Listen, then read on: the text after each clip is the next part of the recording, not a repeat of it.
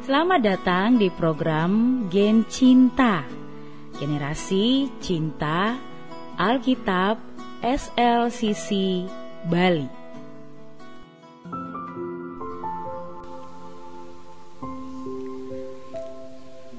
Menjalani hari dengan hati bijaksana. Mazmur 90 ayatnya yang pertama sampai dengan yang ketujuh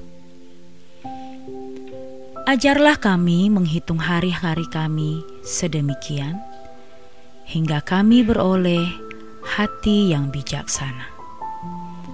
Mazmur 90 ayat 12 Musa menyadari benar bahwa penyertaan Tuhan adalah hal yang utama dalam hidup ini. Oleh sebab itu, ia meminta Tuhan untuk menyertainya saat memimpin bangsa Israel dalam perjalanan menuju ke tanah perjanjian. Musa sadar benar bahwa tanpa Tuhan beserta, ia takkan sanggup memimpin bangsa Israel. Demikianlah penyertaan Tuhan atas bangsa Israel sangat nyata. Bahkan penyertaannya selalu disertai dengan perbuatan-perbuatan besar dan mujizat. Namun, Alkitab menyatakan bahwa yang bisa memasuki tanah perjanjian hanyalah Yosua dan Kaleb, serta keturunan umat Israel yang lahir di padang gurun. Sementara sebagian besar dari mereka harus menelan pil pahit, mati di padang gurun, sebelum mencapai Kanaan. Mengapa? Karena mereka tidak memiliki respon hati yang benar dalam menyikapi setiap masalah. Setiap kali diperhadapkan dengan kesulitan atau kesukaran, mereka langsung bersungut-sungut dan memberontak kepada Tuhan. Dari pengalaman inilah Musa menulis suatu mazmur tentang betapa pentingnya memiliki hati yang bijaksana.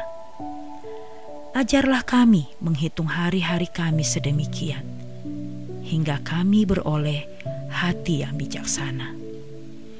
Orang yang punya hati bijaksana mampu menyikapi segala sesuatu dengan respons hati yang benar atau dari sudut pandang yang benar kita akan memiliki hati yang bijaksana bila kita menyadari bahwa di balik setiap masalah atau peristiwa selalu ada maksud dan tujuan. Tak satu pun perkara terjadi secara kebetulan atau tanpa memiliki suatu tujuan. Tidak ada satupun yang diciptakan oleh Tuhan tidak memiliki tujuan. Tuhan membuat segala sesuatu untuk tujuannya masing-masing. Bahkan orang fasik dibuatnya untuk hari malapetaka.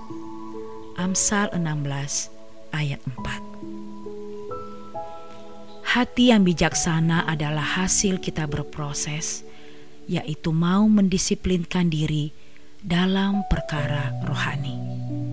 Membangun persekutuan yang karib dengan Tuhan.